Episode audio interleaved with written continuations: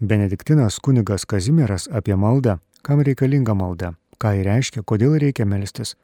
Iš tikrųjų, mums kaip benediktinams ar kaip vienuoliams gal yra visada lengviau melstis, nei kalbėti apie maldą, bet kartu suprantame, kad tas žodis aplamai malda galiausiai, kodėl žmogus turi melstis, kam to reikia, nebėra toks aiškus šiandieną.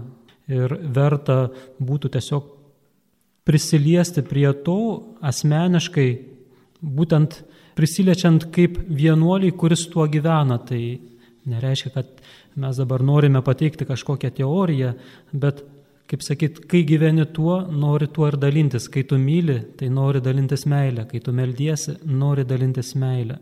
Ir prieš gal pradedant kalbėti gan specifiškai apie ką reiškia mūsų benediktiniška malda ir kodėl benediktinai leidžia tiek daug laiko melzdamėsi bažnyčioje, norėčiau keletą tokių žodžių, keletą pamastymų, aplamai kodėl žmogus turi melstis, kam to reikia. Gal tai kažkoks yra, sakytume, žmogiškas išmislas, kaip kai kurie sakytų, gal ir Dievas yra žmogaus išsigalvotas kažkoks padarinys, kad jam suteiktų kažkokį saugumą. Ir tas klausimas, kodėl žmogus turi melstis, nėra psichologinis klausimas, kaip galėtume pagalvoti, kuris liestų mano vidinę būseną, nuotaiką. Aš melžiuosi, atsakytų žmogus, nes po to gerai jaučiuosi, esu ramesnis, labiau susikaupęs ir panašiai. Tai nėra ir moralinis klausimas, liečiantis mano elgesį ar veiksmus kaip turiu elgtis, ką turiu daryti, kad laimėčiau amžiną į gyvenimą. Čia būtų tiesiog jau žmogus, kuris sprendžia savo egzistencinį klausimą. Iš tiesų, kad atsakytume į klausimą, kodėl žmogus turi melstis, turime pirmiausia apmastyti, kas yra žmogus. Ir kai klausime, kas yra žmogus, savaime sugrįžtame prie pirmųjų Biblijos puslapių, prie pradžios knygos, kuri mums atskleidžia, kad žmogus buvo sukurtas pagal Dievo panašumą ir paveikslą. Žmogus sukurtas pagal Dievo panašumą, pirmiausia tai, kad jis sukurtas, tai rodo, kad žmogus yra kūrinys, kad jis yra trapus, sakytume, nulipdytas į žemės dulkių, bibliškai kalbant, ir kad egzistuotų jam reikalingas nuolatinis santykis su Dievu savo būtimi žmogus yra visiškai priklausomas nuo Dievo. Ir Dievas ne tik sukūrė žmogų, bet ir toliau nepaliaujamai teikia jam buvimą. Atitrūkti žmogui nuo Dievo reikštų grįžti į nebūtę arba tiesiog išnykti. Taigi pirmas dalykas, kad žmogus yra santykė, kaip sakyčiau, vaizdingai, kaip vaikutis motinos iššiose yra visiškai priklausomas nuo motinos, Taip mes e, būties prasme yra priklausomi nuo Dievo. Tačiau žmogus taip pat buvo sukurtas kaip panašus į Dievą, tai reiškia, kad jis yra pakviestas būti Dievo vaiku. Ir malda tampa jo laisva išraiška kreipiniu, kuriuo aš kreipiuosi į savo mylimąjį asmenį, kuriam aš noriu padėkoti kurio aš noriu paprašyti, kuriam aš noriu skustis ir panašiai. Iš tiesų, visas žmogaus gyvenimas, kuris mums kiekvienam duotas kaip dovana, yra išskleisti Dievo atvaizdą įrašytą į mūsų būti mylinčios Dievo rankos ir tuo būdu tapti panašiu į Dievą. Ką reiškia tapti panašiu į Dievą? Dievas yra meilė Ir Dievo visa būtis yra nukreipta į savo sūnų, kurį jis nuolat gimdo amžinybėje. Taigi tapti panašiu į Dievą, tai tapti mylinčiu, gebančiu atsiverti kitam, gebančiu įeiti į santykių su kitu, gebančiu stovėti priešais Dievą. Ir būtent žmogus, kuris meldžiasi, išsaugo tą laikyseną Dievo atžvilgiu. Žmogus, kuris žvelgia ne į save, bet žmogus, kuris žvelgia į kitą ir kuris nori kitam save dovanoti. Taigi malda, jeigu sugrįžtume prie mąstymo apie maldą, malda kaip gyvenimas ar meilė nėra kažkas tokio, ką mes galėtume įsigyti, tai yra nusipirkti. Pirmiausia, ji yra Dievo dovana jausta į mūsų būti, į mūsų prigimti. Tad pirmiausia, turime maldą atrasti ir priimti kaip dovaną. Kodėl? Todėl, kad malda suponuoja, numano santyki.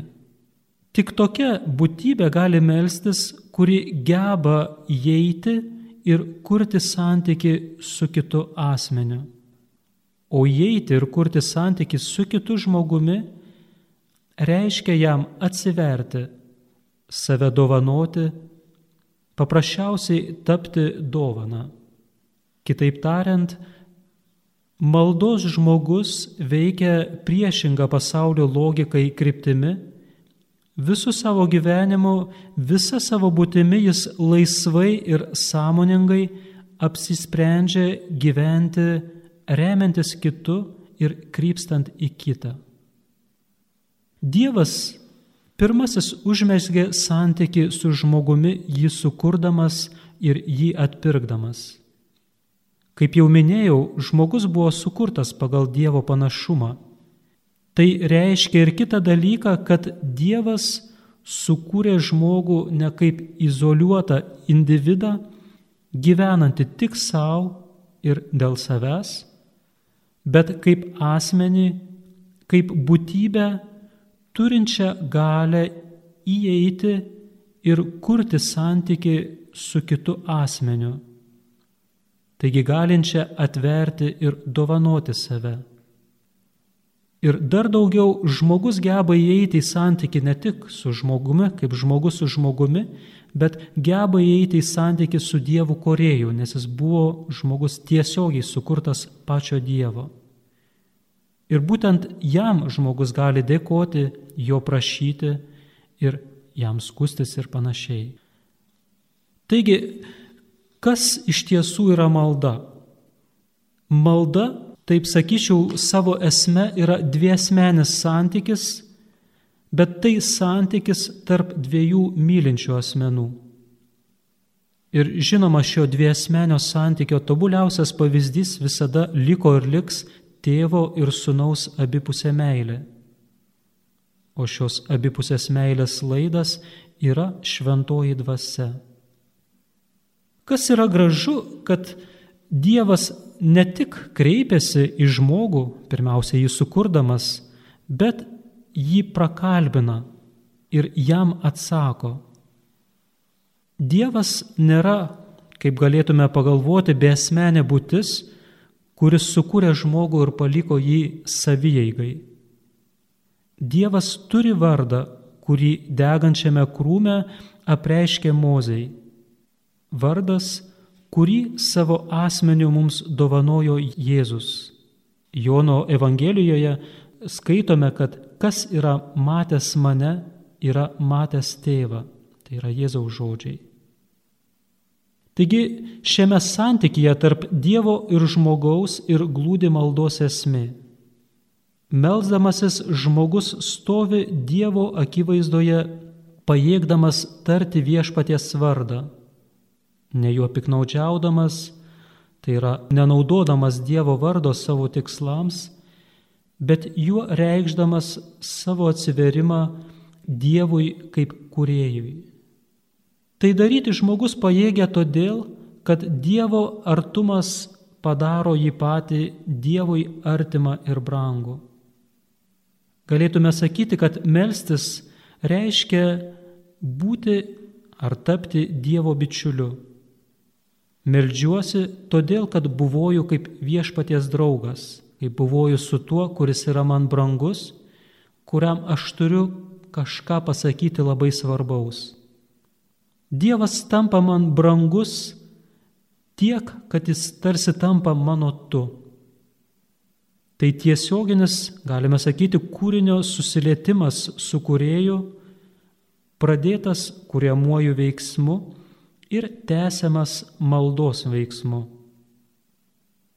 Būtent maldos metu žmogus ir Dievas atsiveria vienas kitam. Taigi, kalbant apie maldą, pirmas dalykas, kuris yra svarbus, tai yra artumas. Taigi, melstis tai reiškia artėti prie kito arba tiesiog būti priešais arba šalia kito. Mes sakytume būti Dievo akivaizdoje. Ir būtent vienuoliškoje tradicijoje, kai mes kalbame apie kontempliaciją, mes ir galėtume pasakyti paprastai žodžiais, kad mes buvojame, būname, tai yra laike, būname Dievo akivaizdoje. Ir duoti jums gal labai konkretų ir paprastą pavyzdį, ar tik ne Arso klebonas pasakojo, kaip vienas kaimietis dažnai mėgdavo užeiti prieš darbą į bažnyčią, kurioje būdavo išstatytas švenčiausias sakramentas. Ir jis tiesiog dažnai klupodavo e, ir pabuvęs, na, nežinau kiek laiko, išeidavo. Ir vieną dieną klebonas tiesiog jį paklausė, ką tau Dievas kalba. Jis sako, nekalba. O sako, ką tu jam sakai? Aš ir sako, jam nieko nesakau. Ir jo tas atsakymas, aišku, ten prancūziškai gražiau skamba, aš žiūriu į jį, o jis į mane. Ir man atrodo, tame išsireiškime, aš sakyčiau, yra kontempliacijos esmė.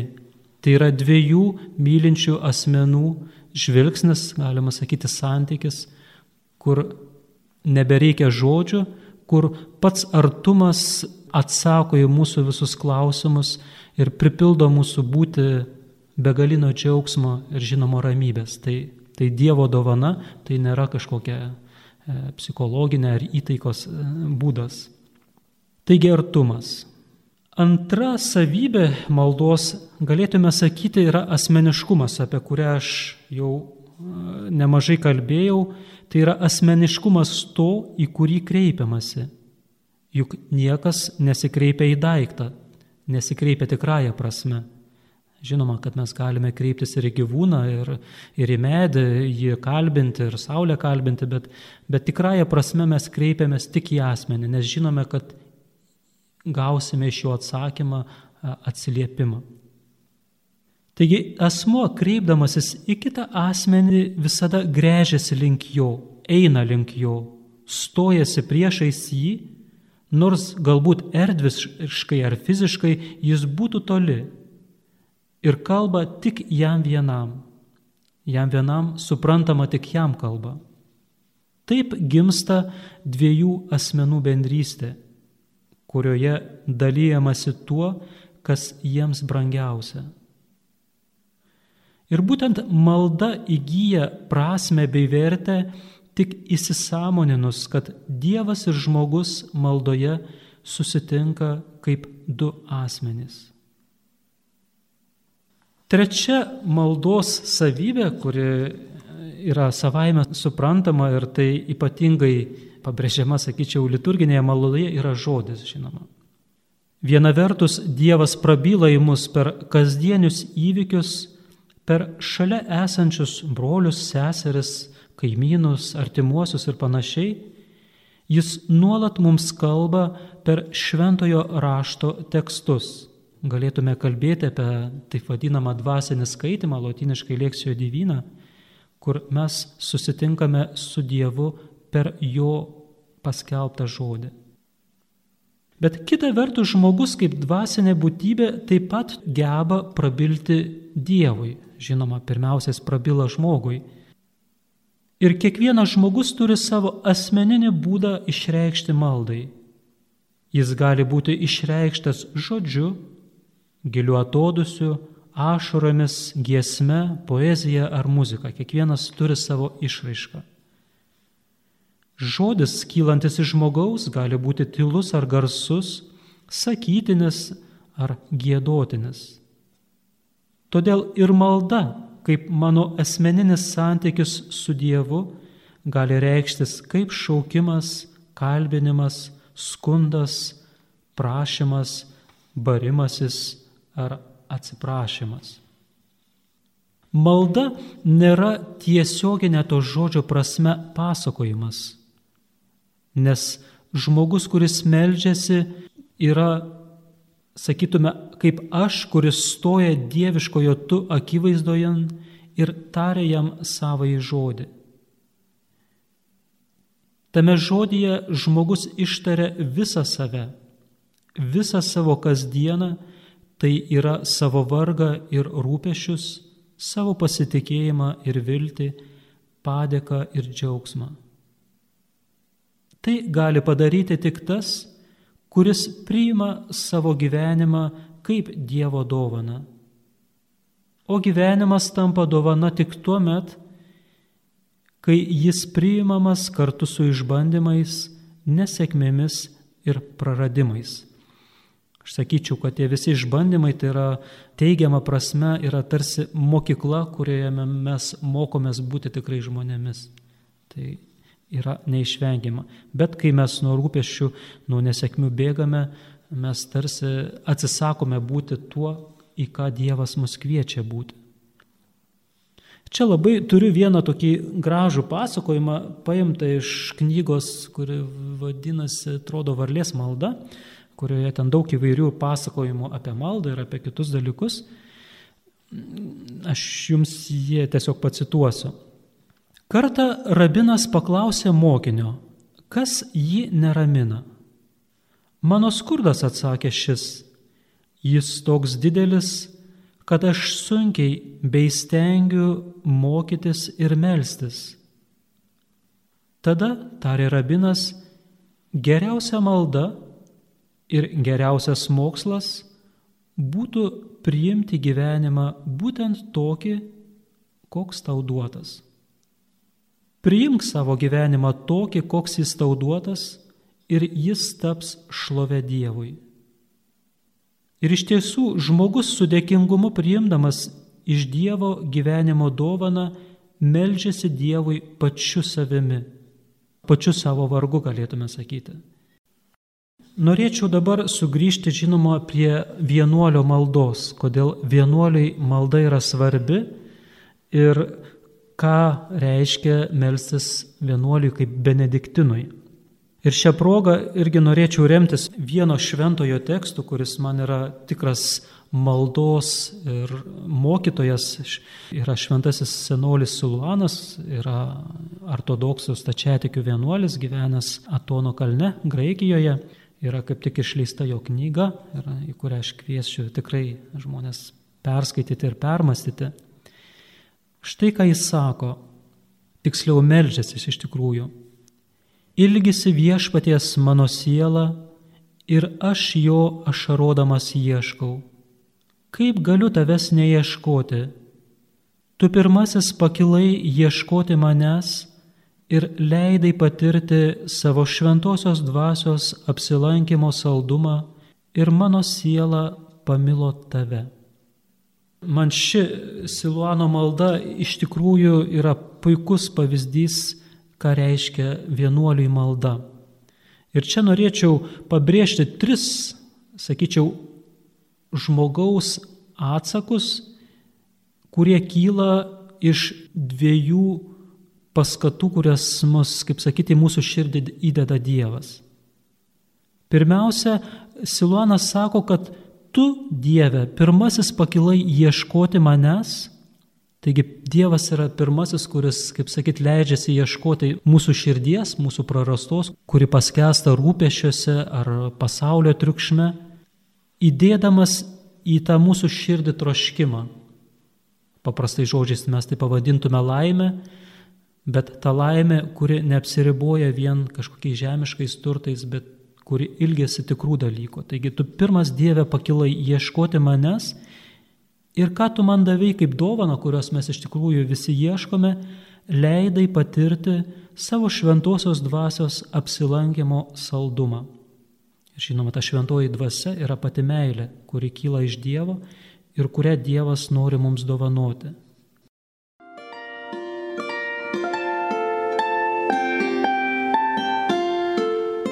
Jūs girdite Marijos radiją.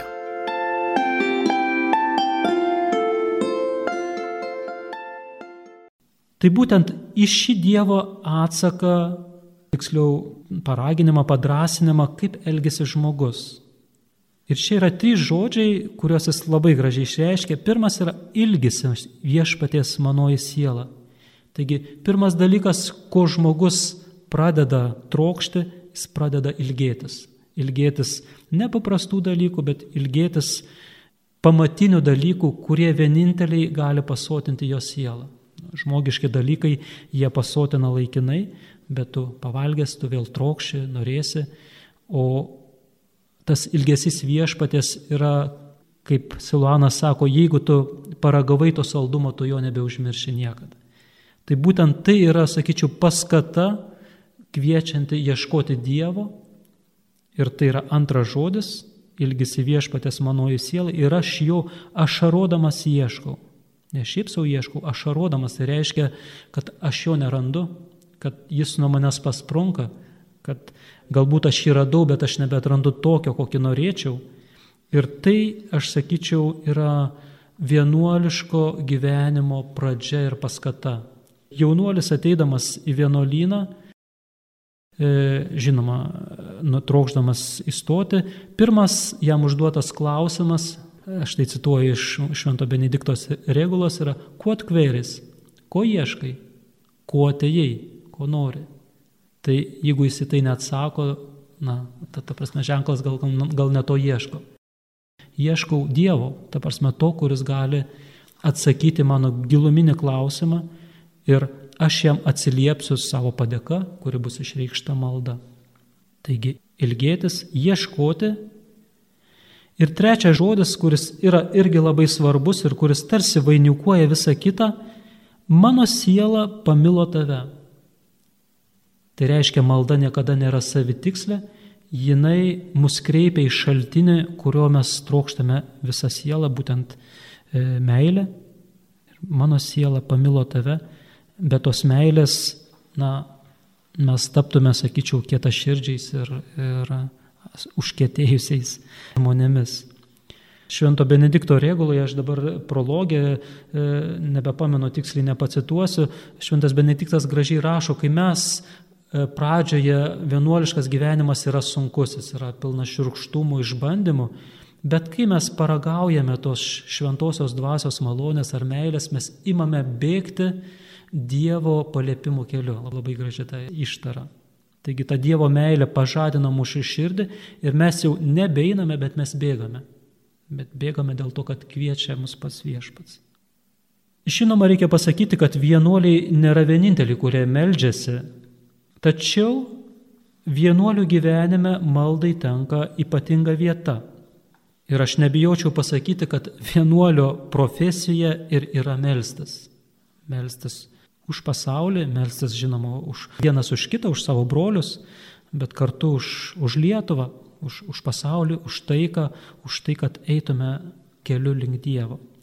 Ir vėlgi, kaip gražiai rašė Šventas Iluanas, sako, melstis už žmonės tai lieti už juos savo kraują.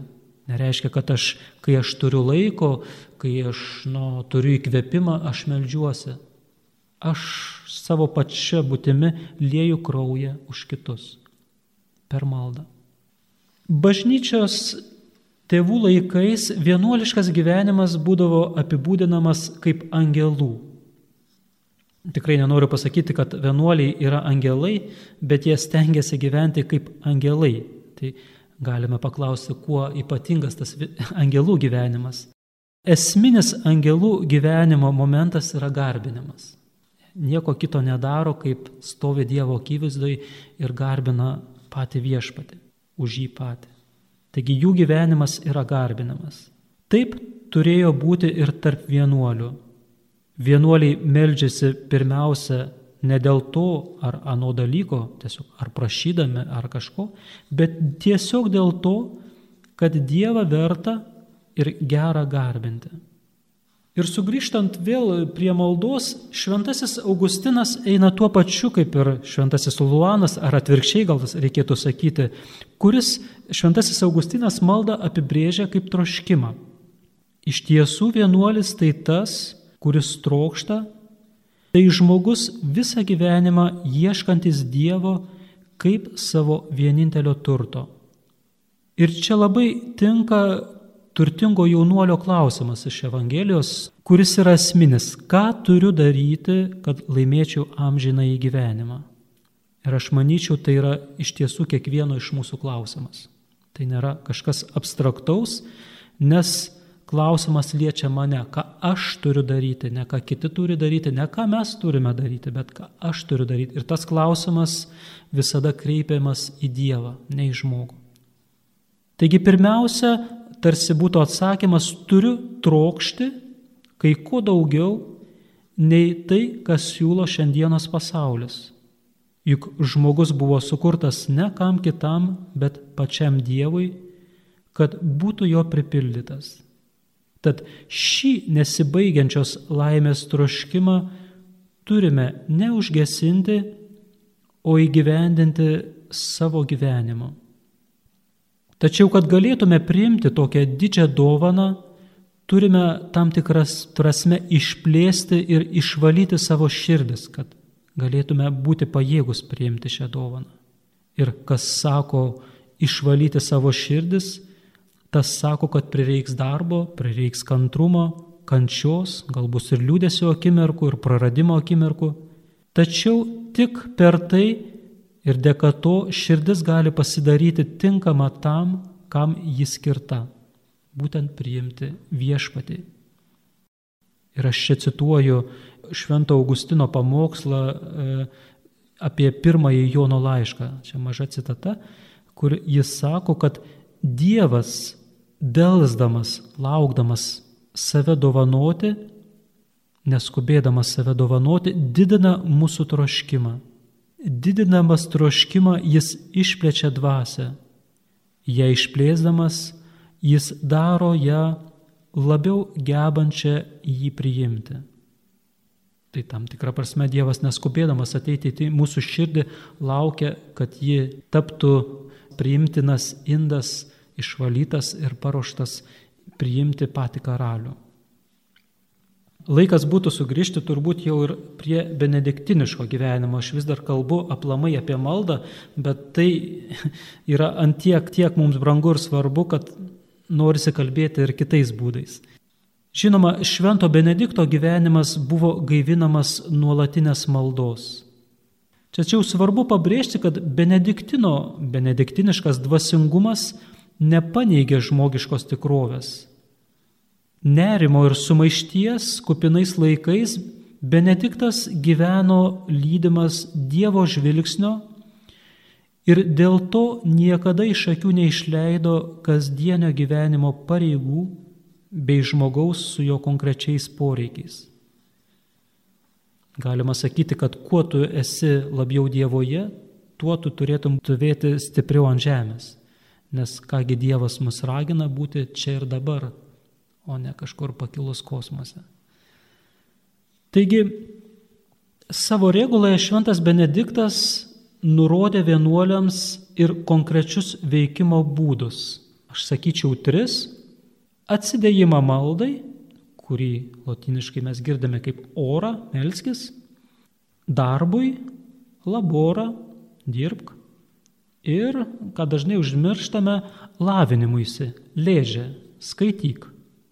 Ir būtent iš šių nuorodų gimė žymusis benediktiniškas devizas ora et labora - melskis ir dirbk. Žinoma, prie kurio reikėtų dar pridėti lėdžią - skaityk, lavinkis. Ir vienuoliškame gyvenime darbas ir malda yra visuomet susiję.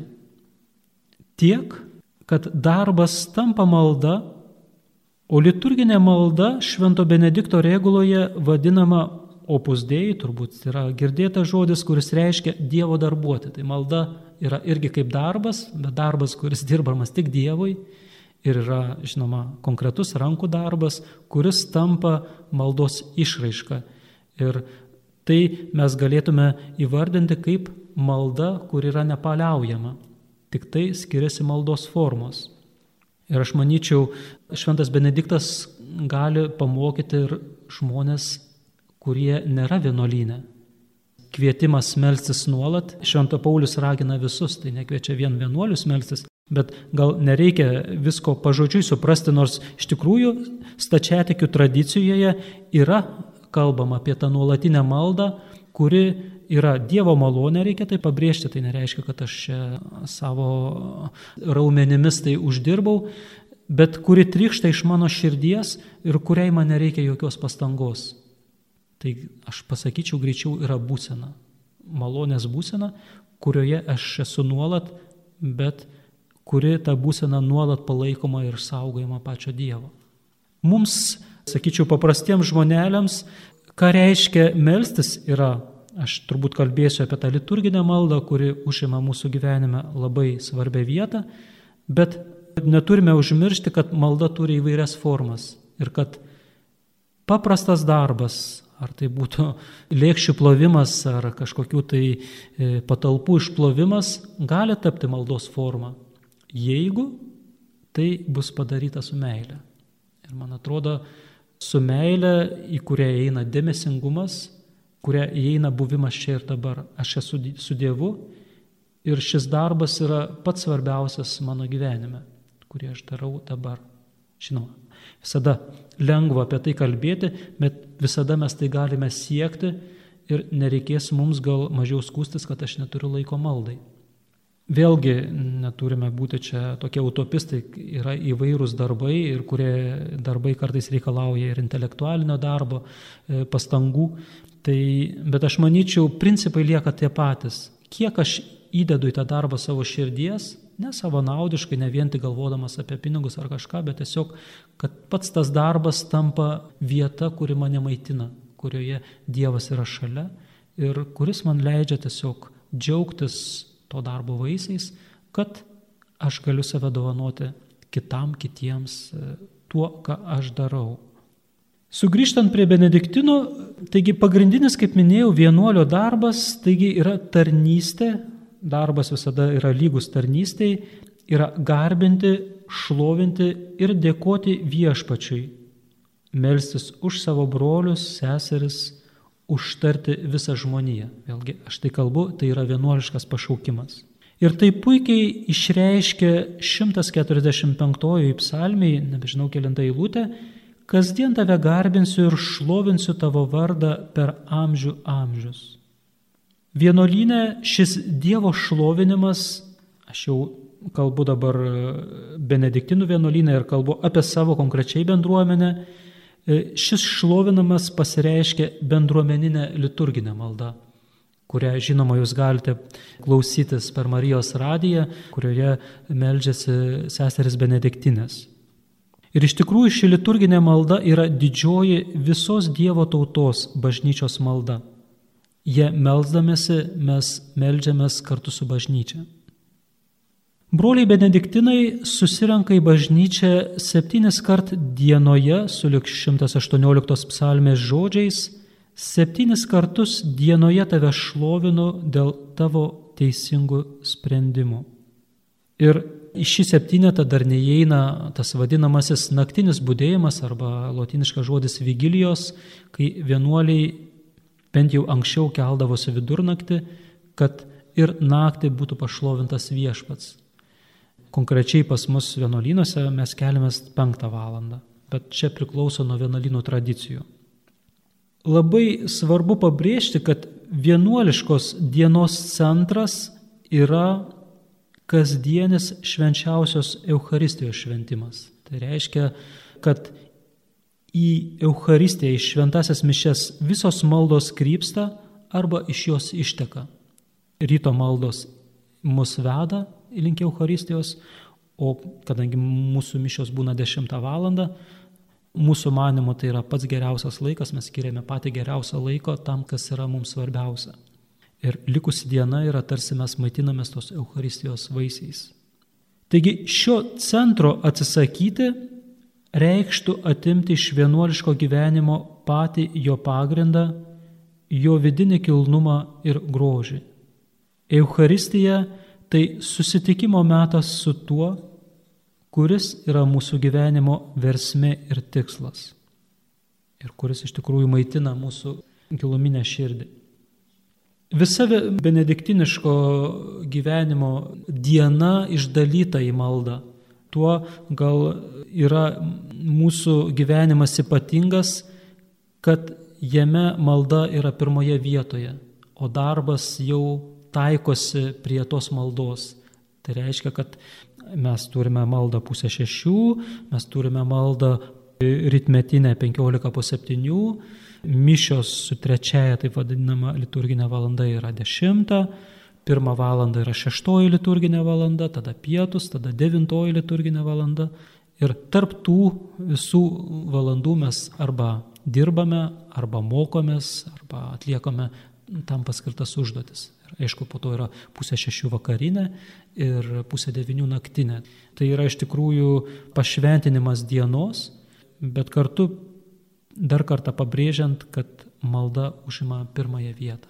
Tai dar šalia šios liturginės maldos vienuoliškame gyvenime laikas yra skiriamas yra asmeniniai maldai. Ir šią maldą kiekvienas vienuolis aukoja tyloje ir vienatvėje, siekdamas ją paversti nuolatinę maldą, nuolatiniu pokalbiu su Dievu.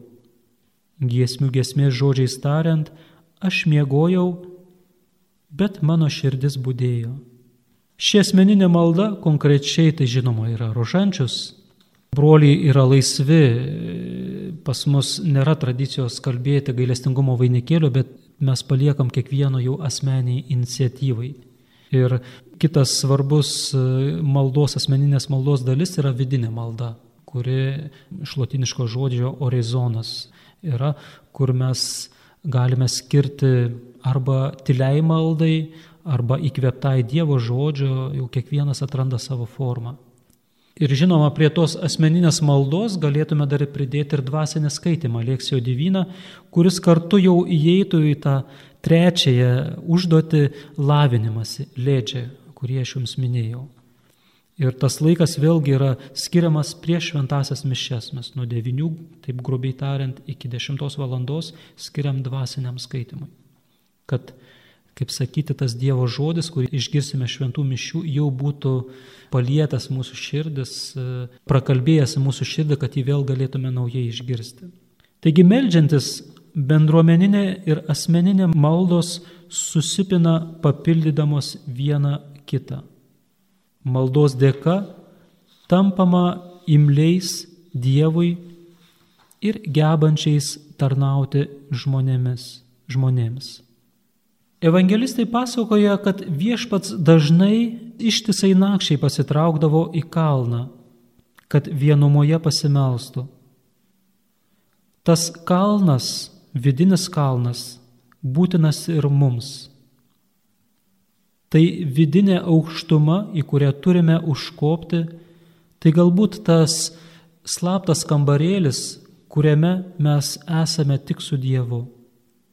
Iš tiesų, išorinė veikla liks bevaisė ir neveiksminga, jei neišplauks iš gilios ir artimos bendrystės su Kristumi. Žmogus savo karšlygiškų veiklumu dažnai praranda kryptį, kai trūksta maldos jėgų, iš kurių trykšta gyvybės vandenis, gebantis padaryti derlingą išdžiūvusią žemę tuomet veikla be maldos pasidaro destrukcinė. Ir žinoma, aš kalbėjau daug apie maldą kaip po tokią, bet aš pasakiau, kad darbas irgi tam tikra prasme yra maldos išraiška. Ir pradžios knygoje, vėl sugrįžtant į tą esminį pasakojimą, rašoma, jog sukūrė žmogų, Dievas jį apgyvendino Edeno sode. Ir šis Edeno sodas tai žemėje, kurioje mes gyvename.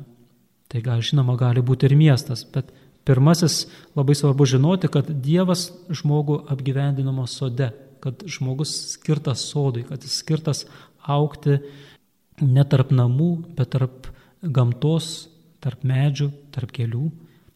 Perkeltinė prasme, kad tai vieta, kurioje gera ir gražu būti. Tai gali būti ir namai. Aš nenoriu dabar paneigti, kad visi turime išvažiuoti ir gyventi kaime. Dievas trokšta, kad žemė taptų sodu.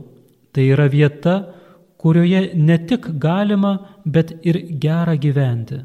Todėl Dievas pavedė mums pratesti ir užbaigti jo darbą, tai yra dirbtis ir rūpintis žemė. Darbas nėra nuodėmės pasiekmi, aš sakyčiau, tai greičiau žmogiškumo ženklas. Juk pasaulyje žmogus yra vienintelė būtybė gebanti dirbti. Darbas yra ir pareiga, bet kartu ir užduotis pratesti ir užbaigti Dievo kūrimo darbą, perkeičiant pasaulį ir padarant jį dar gražesniu ir geresniu, tokiu, kokio norėjo Dievas. Tai žemės formavimas pagal kurėjo valią. Tad vienuoliai visais amžiais, greždamėsi žvilgsniu į Dievą, darydavo žemę gyvenamą bei gražią. Pabaigai norėčiau pasakyti, kad ir mes stengiamės palendrių Švento Benedikto vienuolynę ne tik melstis, bet ir dirbti, padaryti, kad ši vieta būtų, na, norėčiau pasakyti, rojaus sodas, bet kad tie žmonės, kurie pas mus atvažiuoja ir dalyjasi mūsų malda, galėtų atrasti tą Dievo ir tame grožyje, kuris irgi yra Dievo išraiška. Benediktinas kunigas Kazimieras apie maldą, kam reikalinga malda, ką ji reiškia, kodėl reikia melstis,